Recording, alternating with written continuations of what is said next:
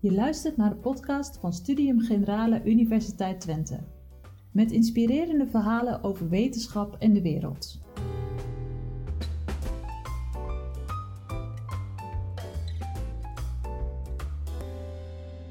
Tonight, we are going to discuss um, Europe and how it is being changed and transformed in many ways by the war in Ukraine.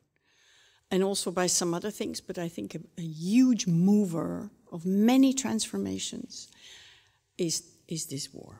And I think we really we look at the world in a different way. It's not the way we look at the world like 10 years ago or 15 years ago. But we also look at ourselves in a different way. Just to explain why this is happening, I'm going to take you back to a, a French aristocrat, um, the Marquis de Custine, who lived in early 19th century France. And at that time, a lot of French people, they wanted to have more rights. They wanted to be free, they wanted to have voting rights, um, they wanted to change the social structure.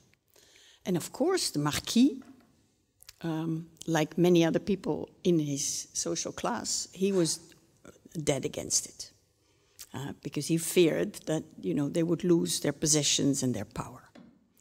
So what did the Marquis do? He went to Russia.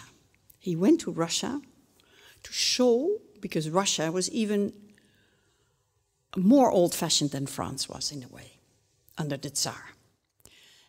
And he went all the way to Russia in, in, in a carriage, a horse-drawn carriage, because he wanted to, to get information about how well Russia was functioning and then come back to France and, and tell his fellow countrymen, like, uh, you know, the old ways are actually, are actually super good. Look at Russia, how well it's functioning. So he went off and he came back six weeks later to Paris, completely disgusted with what he had seen in Russia. He had spoken to the Tsar because he was, you know, he was a, uh, an interesting nobleman for the Tsar, so he had several, tea several times with the Tsar. He spoke to a lot of people, he traveled a bit, and he was disgusted by what he had seen. The slavery, the autocracy, whereby the Tsar, just with the flick of his fingers, could decide over the fate of millions of people. And above all, he was angry at his own class, the aristocrats in Russia, who were treating people lower than themselves on the social ladder very badly, but were licking the heels of, of the, the imperial coterie to leave everything as it was. So he came back to France and embraced reform. He wrote a book about this, which is called, you can still, it's still being printed, which is interesting. It's called La Russie en 1839, uh, so Russia in 1839.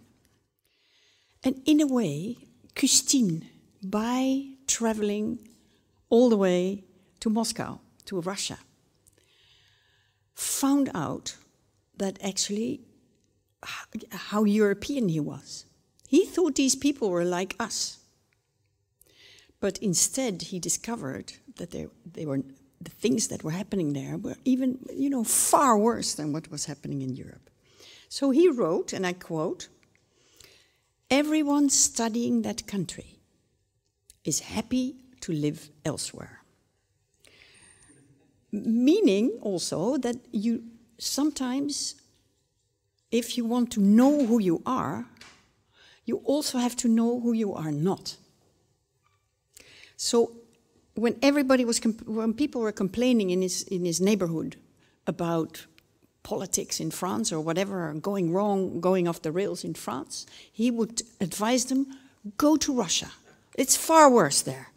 Yeah, okay, now you know what I'm getting at. Huh? Because I think something along these lines is happening today in, in Europe. Um, and it has to do with politics, but it also has to do with our, our identity and our self perception. There was a, a German, Franco German writer called Alfred Grosser. He wrote a book called Wie anders sind die Deutschen.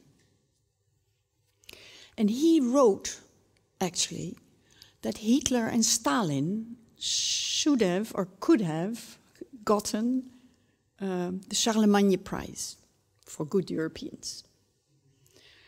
Because without our fear of communist totalitarianism, or just the other way around, totalitarian communism, there would not have been a European community. There would not have been any post war European integration. And in a way, I think Vladimir Putin is in a similar role. He, to a certain extent, is bringing Europeans more together. They're still divided, they will always be. But in the face of what this man is doing, it is a little bit easier for all these divided peoples to feel closer to each other and to decide to act together. We're all at the moment finding shelter under a common European roof. Again, we keep bickering and we keep fighting over issues because nobody ever agrees. That was, that's what the EU was invented for to have a mechanism to solve our disputes in a peaceful way, to shoot with words and not with weapons. And we've been doing that for 73 years, just a few days ago. It was 73 years. So we find sh more shelter together than before because it is so damn cold outside, outside of Europe. We are erasing borders. We have um, the, the, the, border control agency, Frontex, that we never really wanted in the first place. Huh? They are being, they are growing now to 10,000 people to guard our uh, external borders. We are working on an energy union, which nobody ever wanted. I mean, a few member states wanted it and the rest did not. But now we're working on it. We are working on European defense. Even the Netherlands is supporting this, which was always dead against European defense. I mean, big things are happening. We are sending weapons to Ukraine. We're buying, we, together, we're buying weapons for Ukraine. We're buying gas. The Commission is buying gas for all of us. Those kind of things would not have happened a few, few years ago. The Swedish former Prime Minister Carl Bildt once said, Europe used to be surrounded by a ring of friends. They were friendly, and many of them even wanted to become like us. And now that ring of friends is being replaced by a ring of fire. We have neighbors, many neighbors, who want either to uh, divide us take our goodies away, um, or even totally undermine us. I think Europe has undergone several phases. When I grew up, um, not here in Twente, but on the Veluwe, which is a bit center east of the Netherlands, during, during the Cold War, the end of the Cold War, it was, you know, it was a very small Europe we had fixed borders, um, especially to the east. Um, and everything, it was also a bit boring. You know, we were all looking at America because everything that was interesting, everything that was new, all came from America in music, in film, in all kinds of fashion trends, and so on. Then, in 1989, the borders came down, and we started fanning out all over the continent.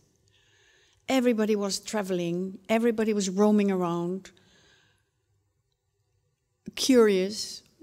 We wanted to to get to know our neighbors and we wanted to be friends with them. And yes, why not? Why don't they all become members, or many of them? So exploring uh, diversity and freedoms. I think in the, already in the 1990s, but especially in the 2000s, people already started to ask, like, where does this end? Where, where does Europe end? And what about, you know, will Turkey ever be a member of the European Union? And how are we going to accommodate this? Will this change Europe and in what way? And one thing that struck me at the time is that politicians never replied because they didn't know it themselves. They didn't know the answers, so they just ducked them. Um, which, of course, made the questions even louder. And a lot of populist parties ran away with that question. Now, what we see is the reaction to that. People don't want to, they, have they've, they've done, you know, they've roamed around enough. Um, they don't want to explore much more, they just want security. They are looking at Europe and I'm saying Europe because I've lived in Switzerland and Norway as well, which are part of Europe but not part of the EU. But I can tell you 80 to 90% of everything that is decided in Brussels ends up in Norwegian and Swiss legislation as well.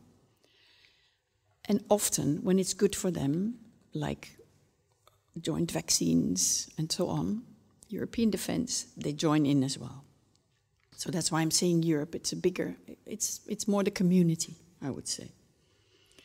So we look at Europe for protection as a nest where we can be safe. One of the, you, you, you probably all know the Eurobarometer uh, poll that they started, you know, in the 1950s, at the end of the 1950s, early 1960s. Every uh, six months, they ask people in EU member states the same question. And this is great because then you can compare the answers from back then to the answers that we get now. The question is Are you satisfied that your, the country that you live in is a member of the EU? 72%, according to the last latest poll a few months ago, said yes, we are satisfied. This was the highest score in decades. Um, in 2005, for instance, 50% said it was a good idea. The people who don't think it's a good idea, um, I mean, there are fewer and fewer of them, but especially the group in between who had no clue, who, who, who said don't know, that group is, is uh, largely diminished. So there are huge changes in Europe, even in the psychology, you know. The European Union used to be good at depoliticizing issues. We had had too much politics and too many wars as a result, that what the EU started, or the European community the, uh, at first, started doing was breaking political problems between member states on whatever the issue was, but there are many issues that they have um, disagreements about. So, breaking these political problems into little technical bits before they get out of control. So, depoliticizing was the business of the EU for a long time. And this is also what the market did so well. Um, now, we are reminded by Putin's war in Ukraine and the atrocities committed there. We are reminded of the, the very raison d'etre of the European Union, which is never again. No more war. Plus jamais ça. But that means it is political. And since our neighbors are sometimes in the ring of fire, and are trying to attack us or trying to undermine us, our answer has to be political as well. So it's a very strange moment, I think, for the EU. We cannot keep depoliticizing everything. And at the same time, this is our trade and we have to continue with it. But we are now having, discussing our policies toward Russia, towards the United States, towards Africa or China. All these issues are political. Everything we do nowadays is political as well. Even we are taking all kinds of decisions to protect the single market, to protect the policies that we have, which is a political decision in a way. Not to let anybody from outside the EU invest in European companies. Because if you, uh, we've done this for decades without checking it. Europe was open. Huh? But now, at some point, a few years ago, somebody discovered that Chinese companies had bought over the over a few years' time had bought nuclear waste uh, companies in France, in several other member states, small companies, so below the radar. So this did not end up at, at, at, at discussion tables in, in, in Brussels and perhaps not even in Paris. So these little companies were then merged, and then somebody started researching this and found out that more than 50% of the nuclear waste industry in Europe was in, in, the hands of Chinese state companies. Do we really want this? Hmm, perhaps not. So now even the Netherlands is agreeing with screening foreign investment. We actually, people from The Hague went to Paris and together with the French, they drew up legislation, the protectionist French, drew up legislation to, to protect our market, our industry. These are political decisions, of course. Yeah. So from totally depoliticizing, we go to, I mean, we have to think in a more political or geopolitical way. So I've made a list of concrete examples of what is now changing in the European Union. And I think the first that should be mentioned of, of that list is that Europeans, many Europeans, they're still not very happy with the European Union, meaning with the way it functions. But they're certainly more happy than before to be in the European Union, that they're on this side of the border and not on the other side. You know, a bit Custine like. One of the, the signs of this is, for instance, that a lot of populist parties, the FPÖ in, in Austria, wanted to leave the European Union. Marine Le Pen in France wanted to, to quit with the euro. She wanted to leave the eurozone. And there were many more. Um, all of them have changed their minds. It's not just the war in Ukraine, it's also Brexit, of course, which is a disaster. But these developments have made them change their minds. So the ones who were advocating an exit before have changed their mind. They want to stay in. Mr. Orban in Hungary hates everything that has to do with Brussels, and he's, he's open about it. He talks about it all the time.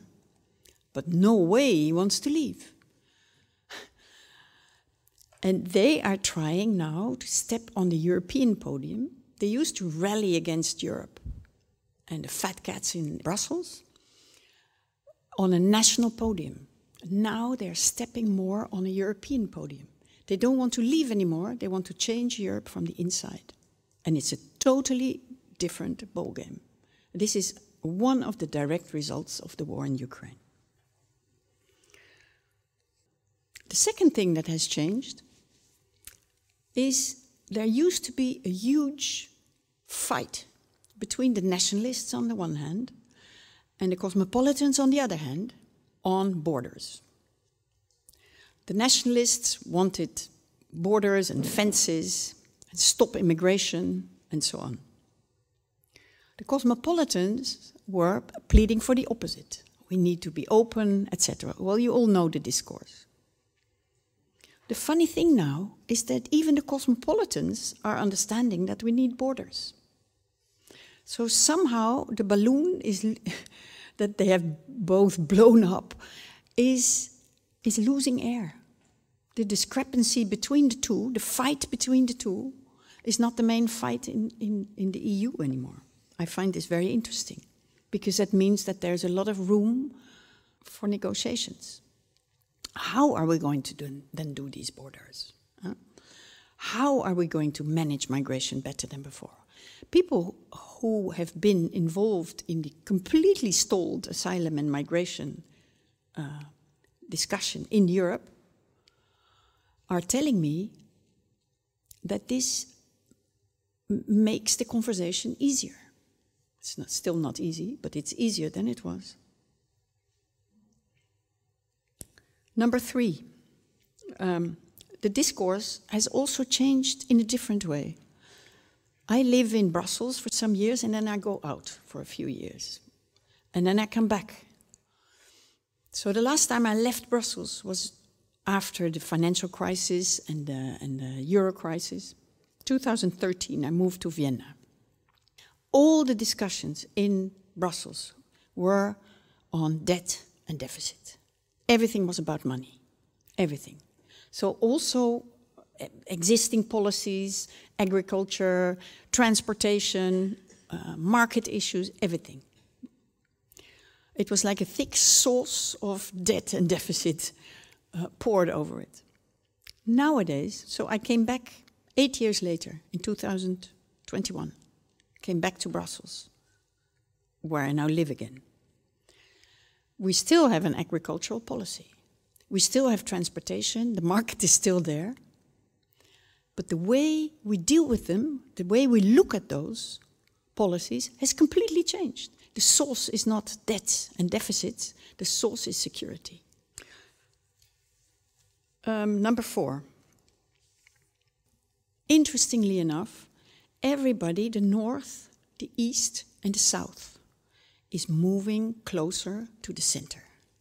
What do I mean by that? Well, let's start in Central Europe. Never say Eastern Europe to Central Europe because it's not the same. For a long time, most of them became members in, in, in 2004. Until last year, I would say. All of them, or almost all of them, they felt a little bit like, you know, second class members. The big shots were France and Germany. They'd been around forever. Um, and they felt like their concerns were not sufficiently taken into account and their problems. Also, when they said, watch out what Vladimir Putin is doing because the guy is dangerous, they were not listened to. I remember myself, I'm guilty of this too. Whenever I would, I would discuss foreign policy with, uh, with, with, somebody from Poland, I would think, oh, this is really traumatic for them, you know? They, that's why they're exaggerating a little bit. Well, um, perhaps not. Huh?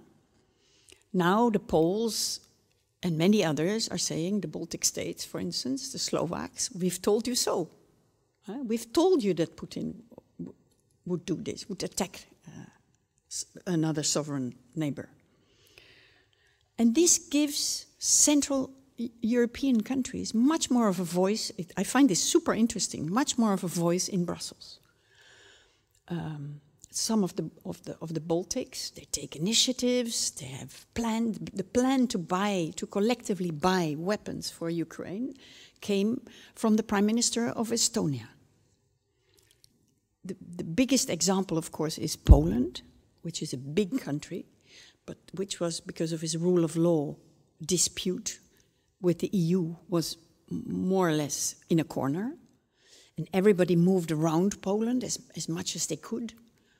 Well, Poland is a big country in Europe. And all of a sudden, Poland is back. Poland is back. They never wanted to have a single refugee from Syria. because they thought it was not their war. Now they're taking millions. And better even, they're not meowing about it. 80% of all those refugees are not taken care of by the Polish state, but by people at home. They find beds and lodging eh, just in private houses. It's amazing. And interestingly, you know, everything that goes to Ukraine or comes back goes via Poland. VAPs, humanitarian goods, weapons, everything. Interestingly enough, Poland, some in Brussels, of course, start complaining already that Poland, Poland is becoming too dominant. Poland uh, tries to flex its muscles a little bit too much. But at the same time, Poland also tries to get out of its rule of law problem with Brussels. Because now it has some it has much more standing than let's say 2 years ago. And they use this standing to make compromises. Not enough, by far, but the fact that they, they are, are using their new status as leverage for, to get out of this problem is, I find, very interesting. Also, all of Central and Eastern Europe now have lots of Ukrainian refugees. And maybe they will, they will not leave. Maybe they will stay forever. But these countries were so much against taking refugees from the rest of the world before, because their, their entire population is shrinking and shrinking fast, because everybody who wants a good job just goes to the west of Europe or northern Europe. So all these countries, Bulgaria, Romania, Poland as well, they were bleeding people. It was a demo demographic disaster. Um, so they were saying if we lose our people and at the same time Syrians, dark people, Muslim people come in, we cannot handle this. We don't want to handle this. And we found this a terrible thing to say, you know. We in the West, you realize that the European Union or European integration was started by six countries, five of whom were in the process of decolonizing at the time, in the early 1950s, except Luxembourg. So we are used to absorbing new people. I'm not saying that we ever found the secret to, uh, to how to do it well, but at least we know the dilemma and we're, in a way, we're used to it. This is a dilemma that in Central and Eastern Europe, they simply don't know until now. They don't know it because since the end of the First World War in 1918, all these countries have become totally homogenic. They've moved people, well, they killed a lot of people too, but they, and the rest they moved across the border you don't belong here, or they change the border. So they are not used to having discussions about integration. Those kind of discussions, because of this terrible war in Ukraine, we are now having with Central and Eastern European countries. So it's sort of also that makes the makes the difficult asylum and migration negotiation much I mean, easier is too big a word, but it make yeah, it makes it easier in some way. We are for the first time sharing that experience, which is important, I think.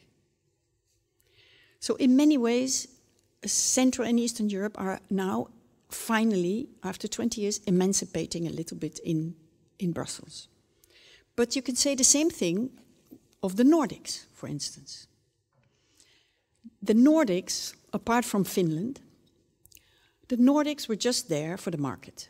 Sweden and Denmark were there for the market.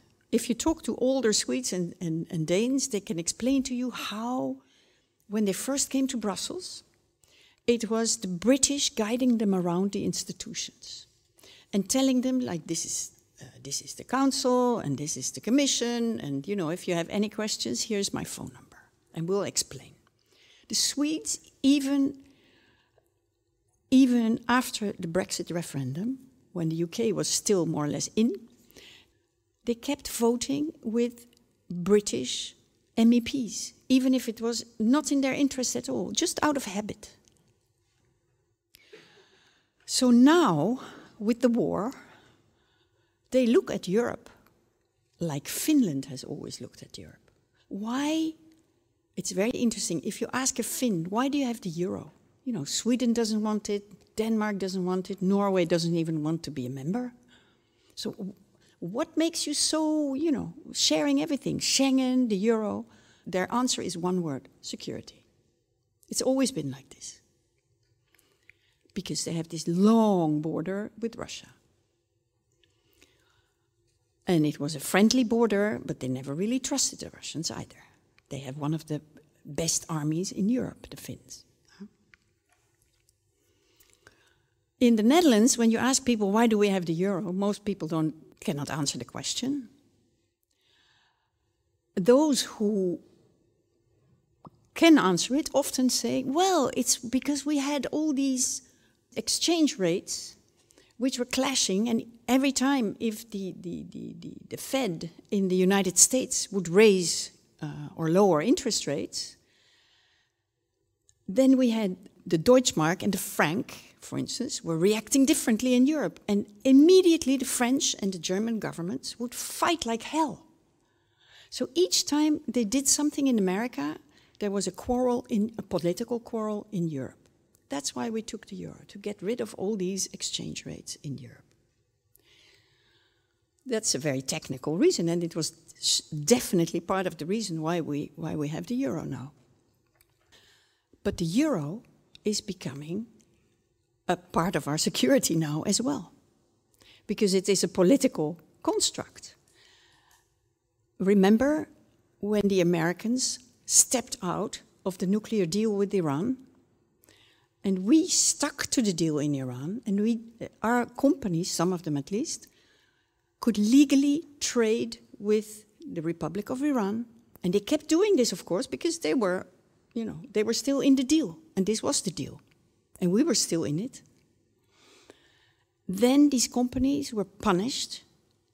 They could not they could not use Wall Street. They could not use dollars. And everything in in the international trade arena goes via the dollar.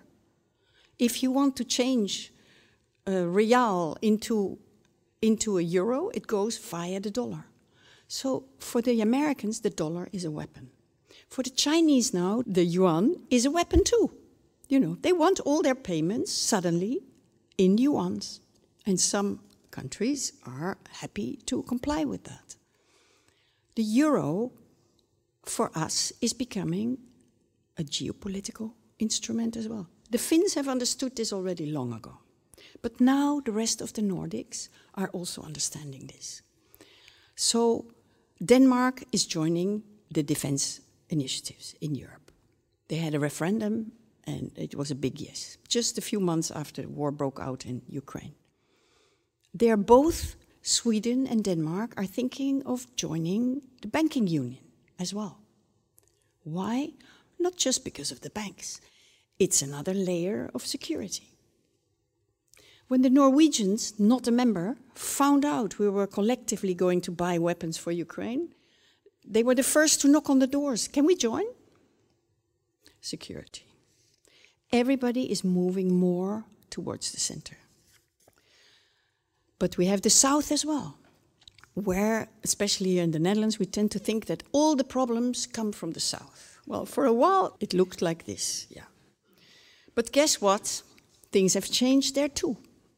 A lot of reforms that we forced them to implement have worked. The economy is doing much better. What we have done during the pandemic, during Euro Eurobonds, to support our economies to recover has finally made big investors all over the world trust Europe again. So they start investing in Southern Europe, which is great. Moreover, in the south of Europe, especially in Portugal and Spain, they hardly had an energy crisis. this winter because we never wanted to to make the pipelines all the way to, Sp to Spain and Portugal so they could use Russian gas. They had to fend for themselves. They had to arrange their own energy uh, packages. And they did. So when Vladimir Putin cut us off from, his, from the gas supply, um, guess who were saying, like, do you want some of our energy? It was Spain and it was Portugal. Very interesting, I think. The Netherlands, because we're, we're here in the Netherlands now, is changing too. This started with Brexit, and now with the, with the war in Ukraine, the changes are even becoming more evident. I think the Prime Minister is not keen to talk about these things. But in all those years, you know, flirting with the far right, advocating an, uh, an exit even, he is starting to understand that actually staying in the EU is giving us sovereignty. If, for instance, Facebook, if they violate data protection rules in the Netherlands, and Mark Rutte picks up the phone and calls California. They will probably answer because he's a prime minister, right? But they will not they will not change their behavior because they just go around the Netherlands. They will come around. That's what happened with Belgium as well. They can afford to ignore it. So Rutte is powerless in this.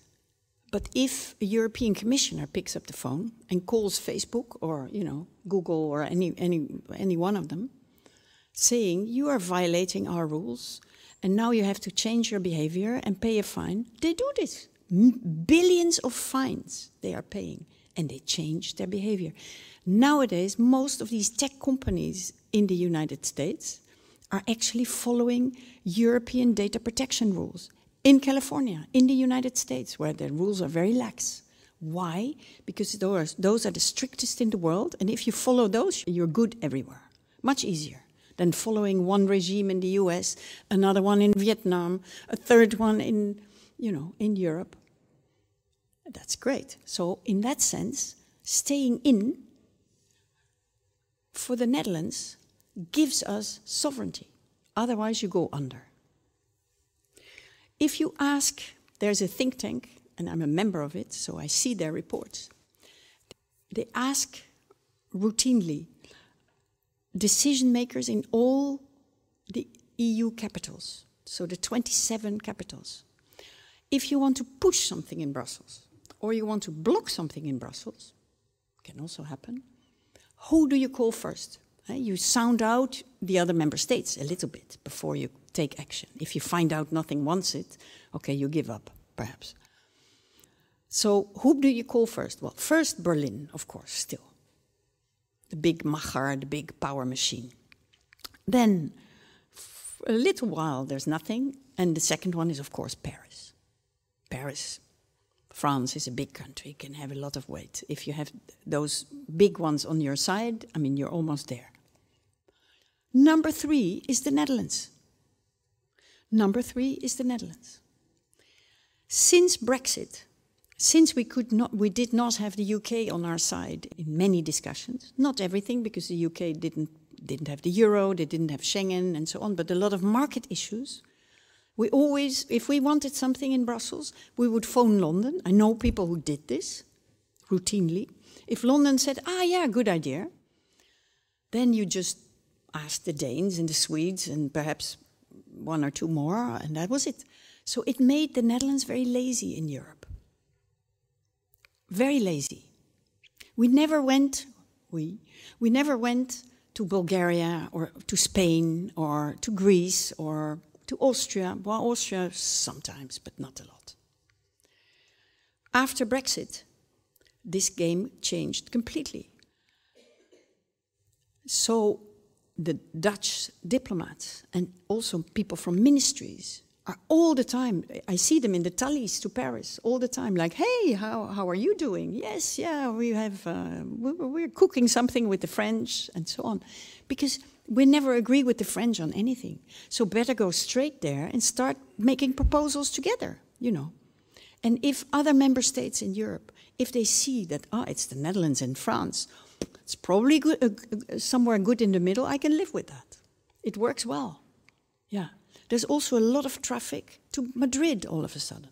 The Dutch love the Spaniards suddenly on many different levels. They love the Baltics as well, and Ireland. And all of a sudden, so the Netherlands is building a network. On every theme, the network is different and it changes all the time. But if, if you are, say, Italy, and you want something, and you want to sound out countries, it's probably good if you have the Netherlands on your side because they can bring in many others. So, this is how the Netherlands is changing too.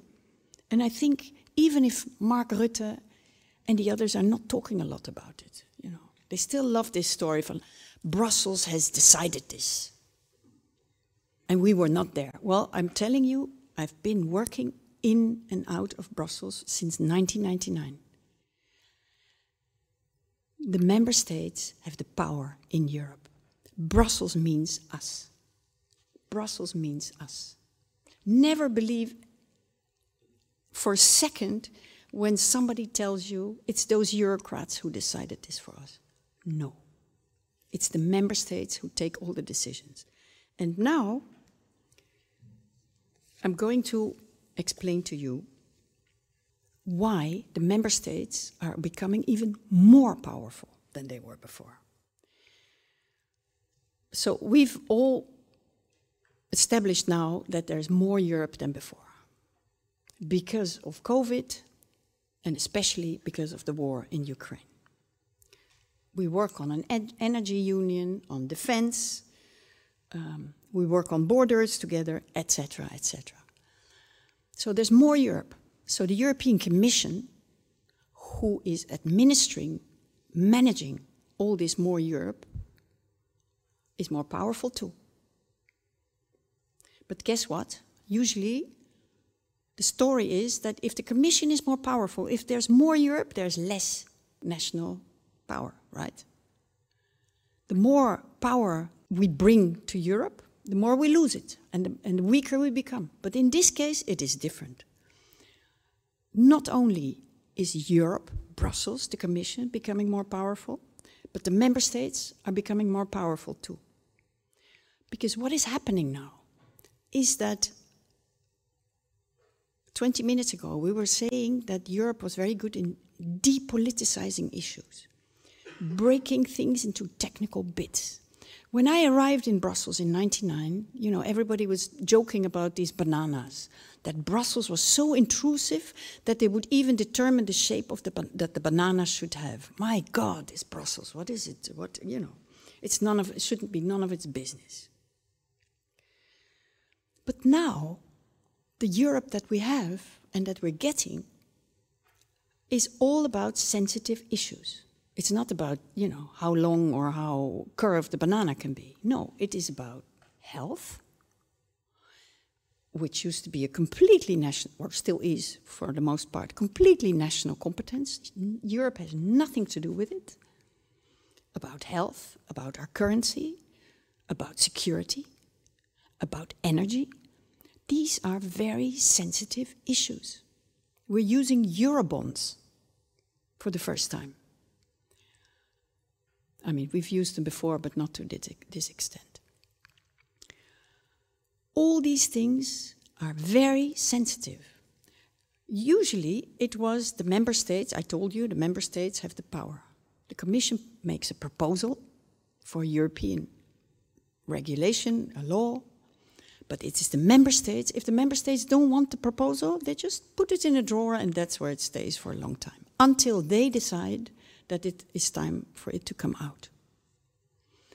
Now, so they used to take the decision, they would ask the Commission, they would take the decision, and then they would leave the implementation to the Commission.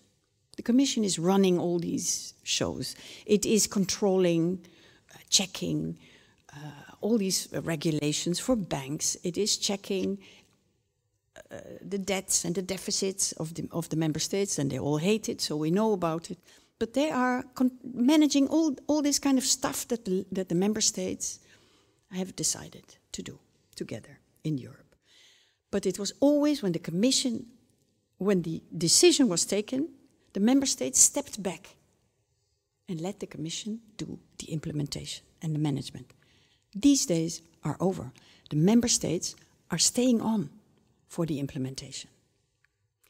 They don't want to let the Commission run all these sensitive issues on a European level alone. An example is the vaccine procurement. Member states wanted to, they understood that they needed vaccines when the pandemic struck. And of course, they tried to get vaccines on their own, you know, or in little groups of two or, or three. But then they quickly understood that the big countries, which, who are richer, would get the vaccines first and probably cheaper too. And the small countries would get them much later and for a higher price. Which then would bring us to a situation where some countries were fully vaccinated and others had not even gotten their first doses yet. So, what do you see then? Borders. This would have destroyed the single market. Mark Rutte, Prime Minister Rutte, who went together with the Germans, tried to buy some vaccines as well, understood this too. And this is why they all went back to Brussels and asked the Commission, can you please buy vaccines for us? At the time, it wasn't even clear, there were no vaccines yet. There were companies, pharmaceutical companies, that were going to try to produce them, but nobody knew which ones would deliver and when, and which one would not.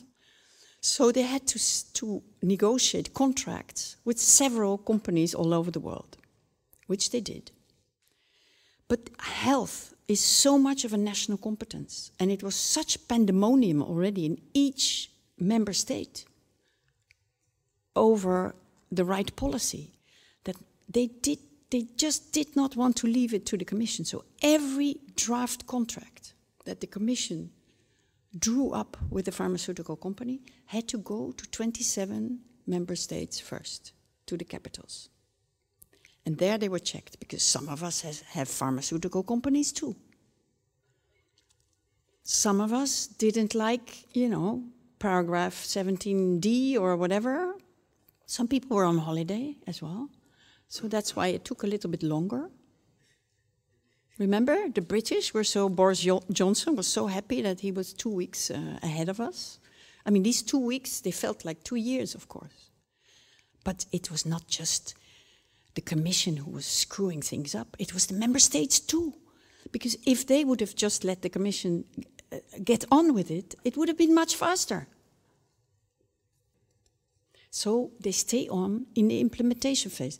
They also, every member state has the right to decide for himself. They all have a little basket with vaccines, and they decide if they want only AstraZeneca or if they want BioNTech and AstraZeneca, or you know, the, the, the, the precise mix, because all these vaccines are a little bit different. Even that, they want to decide for themselves. Interesting, huh?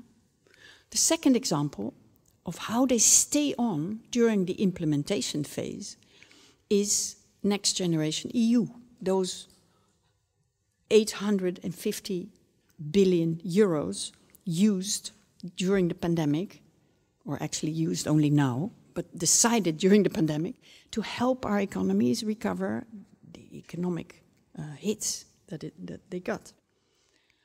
So all the member states once it was decided, all the member states are sending project proposals to Brussels.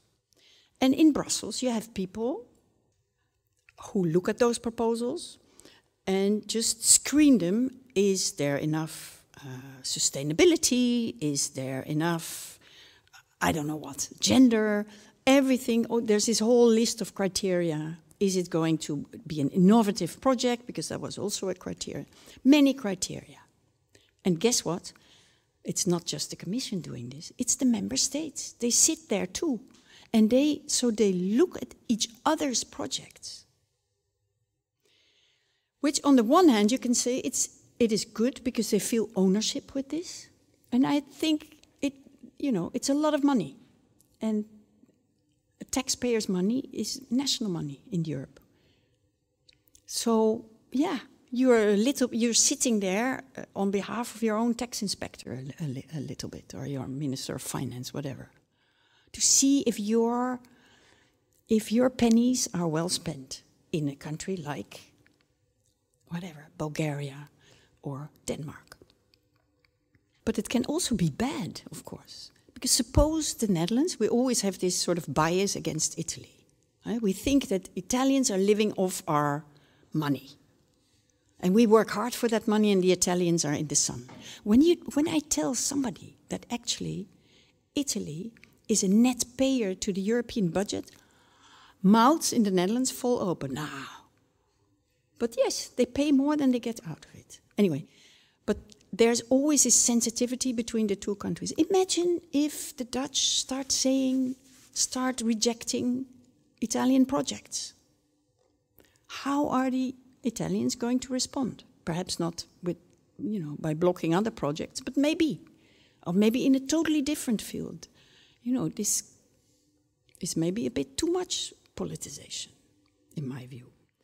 But that was not the point. The point was that we are not only getting more Europe, we're also getting a more intergovernmental Europe in a way. My eighth point is that we also pay more, because of the war, more attention to values, much more than before. We fought so much over, over banks and over refugees and over the euro and many other things. Then there was Brexit, which hurt too. That it is time, and you feel it in many, in many countries, it is also time now to start talking about what unites us. And again, think of Christine. It, it, this is now also a little bit easier because this Putin is there all the time.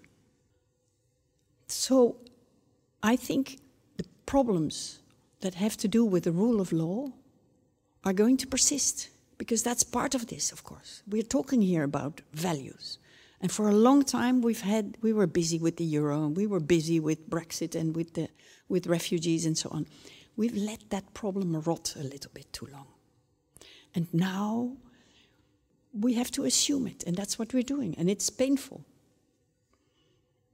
But values, it's interesting also in the Netherlands for a long time, the Netherlands was known as the as the the, the comptable, the the accountant of Europe. You know, we were always very um, stingy with our pennies. But this is such a negative story, always, because then you have to say no, no, no, no, no all the time, which we did for a while. Doesn't make you very popular in Europe.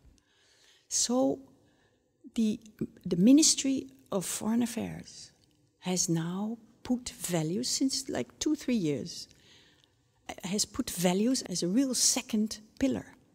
So they're organizing seminars all the time and trainings for, for judges and lawyers from Central Europe or the south of Europe or very, very often because it is something positive.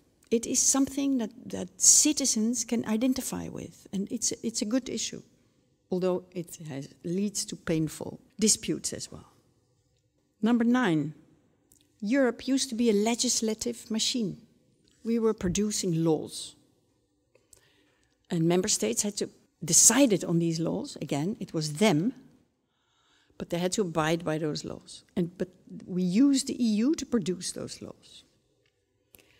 But Europe is now much more delivering goodies too, not just, um, not just laws and regulations, delivering vaccines, delivering gas, weapons, many, many things.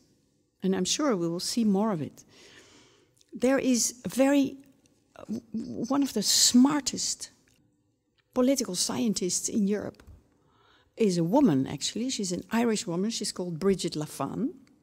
And she wrote a very interesting paper just two months ago, I think.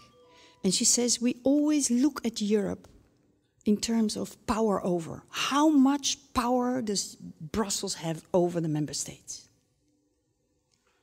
But it is time to look at Europe from a different angle. Not in terms of power over the member states, but power to, power to pro produce goodies, power to act, power to keep Putin away, for instance. And that's a totally different way uh, of looking at Europe. And I think she's, she's very right, because we have also seen that power over doesn't really mean anything, because member states also get more power over. So it's, it's, a, it's, a, it's a stagnant discussion.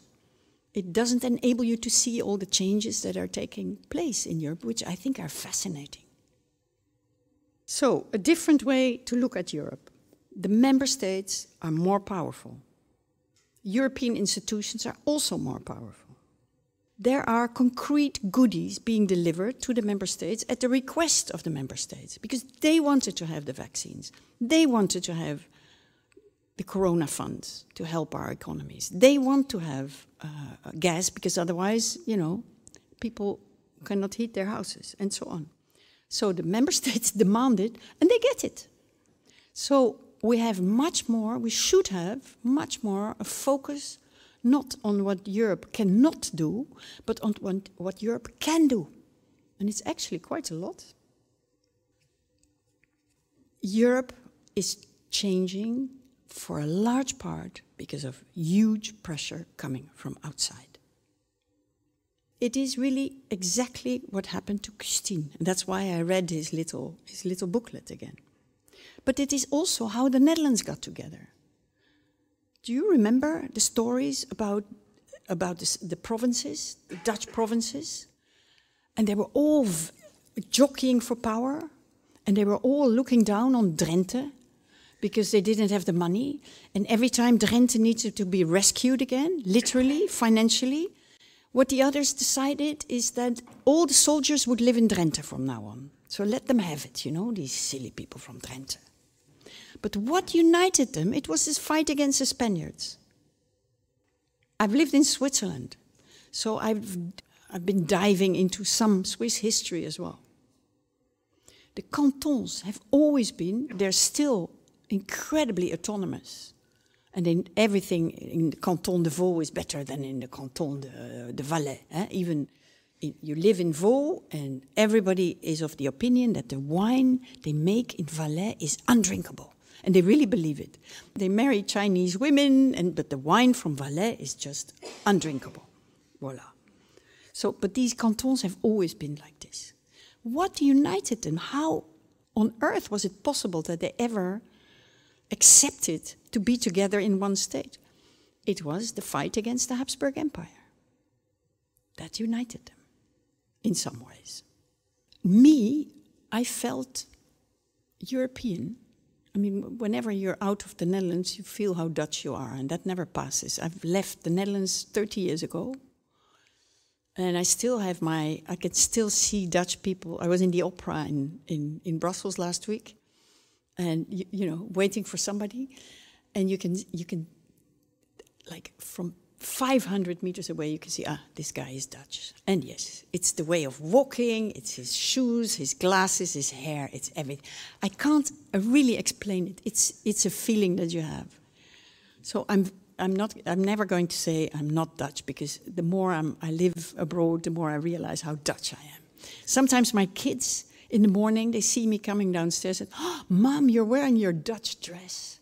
And that doesn't mean that I bought that dress in the Netherlands, but they just think that it's a very Dutch dress. Okay.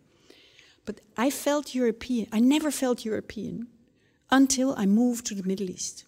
I lived in the Middle East, in the Arab world, in the uh, 1990s for five years. There, I felt European for the first time because it was, I, I, saw people were, were doing and thinking so many things in a different way than me. I'm not saying better or worse, but just different that you're like Alice in Wonderland all the time. So you feel very European. But I think nowadays And there was a time when this was the case for everybody. You had to go to Japan or to Colombia or to Botswana or something to, to be able to feel a little bit European. To bond with a Swede, for God's sake, or a Spaniard or something. Yeah. Now, with this war raging on our doorstep, I think people for the first time are able just to sit in front of the television and feel European.